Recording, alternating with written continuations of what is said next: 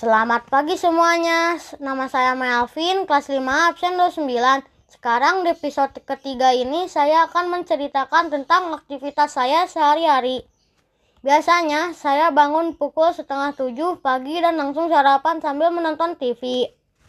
Jam 7 saya ke kamar mandi dan mempersiapkan diri untuk mengikuti kelas online melalui Zoom atau Google Meet.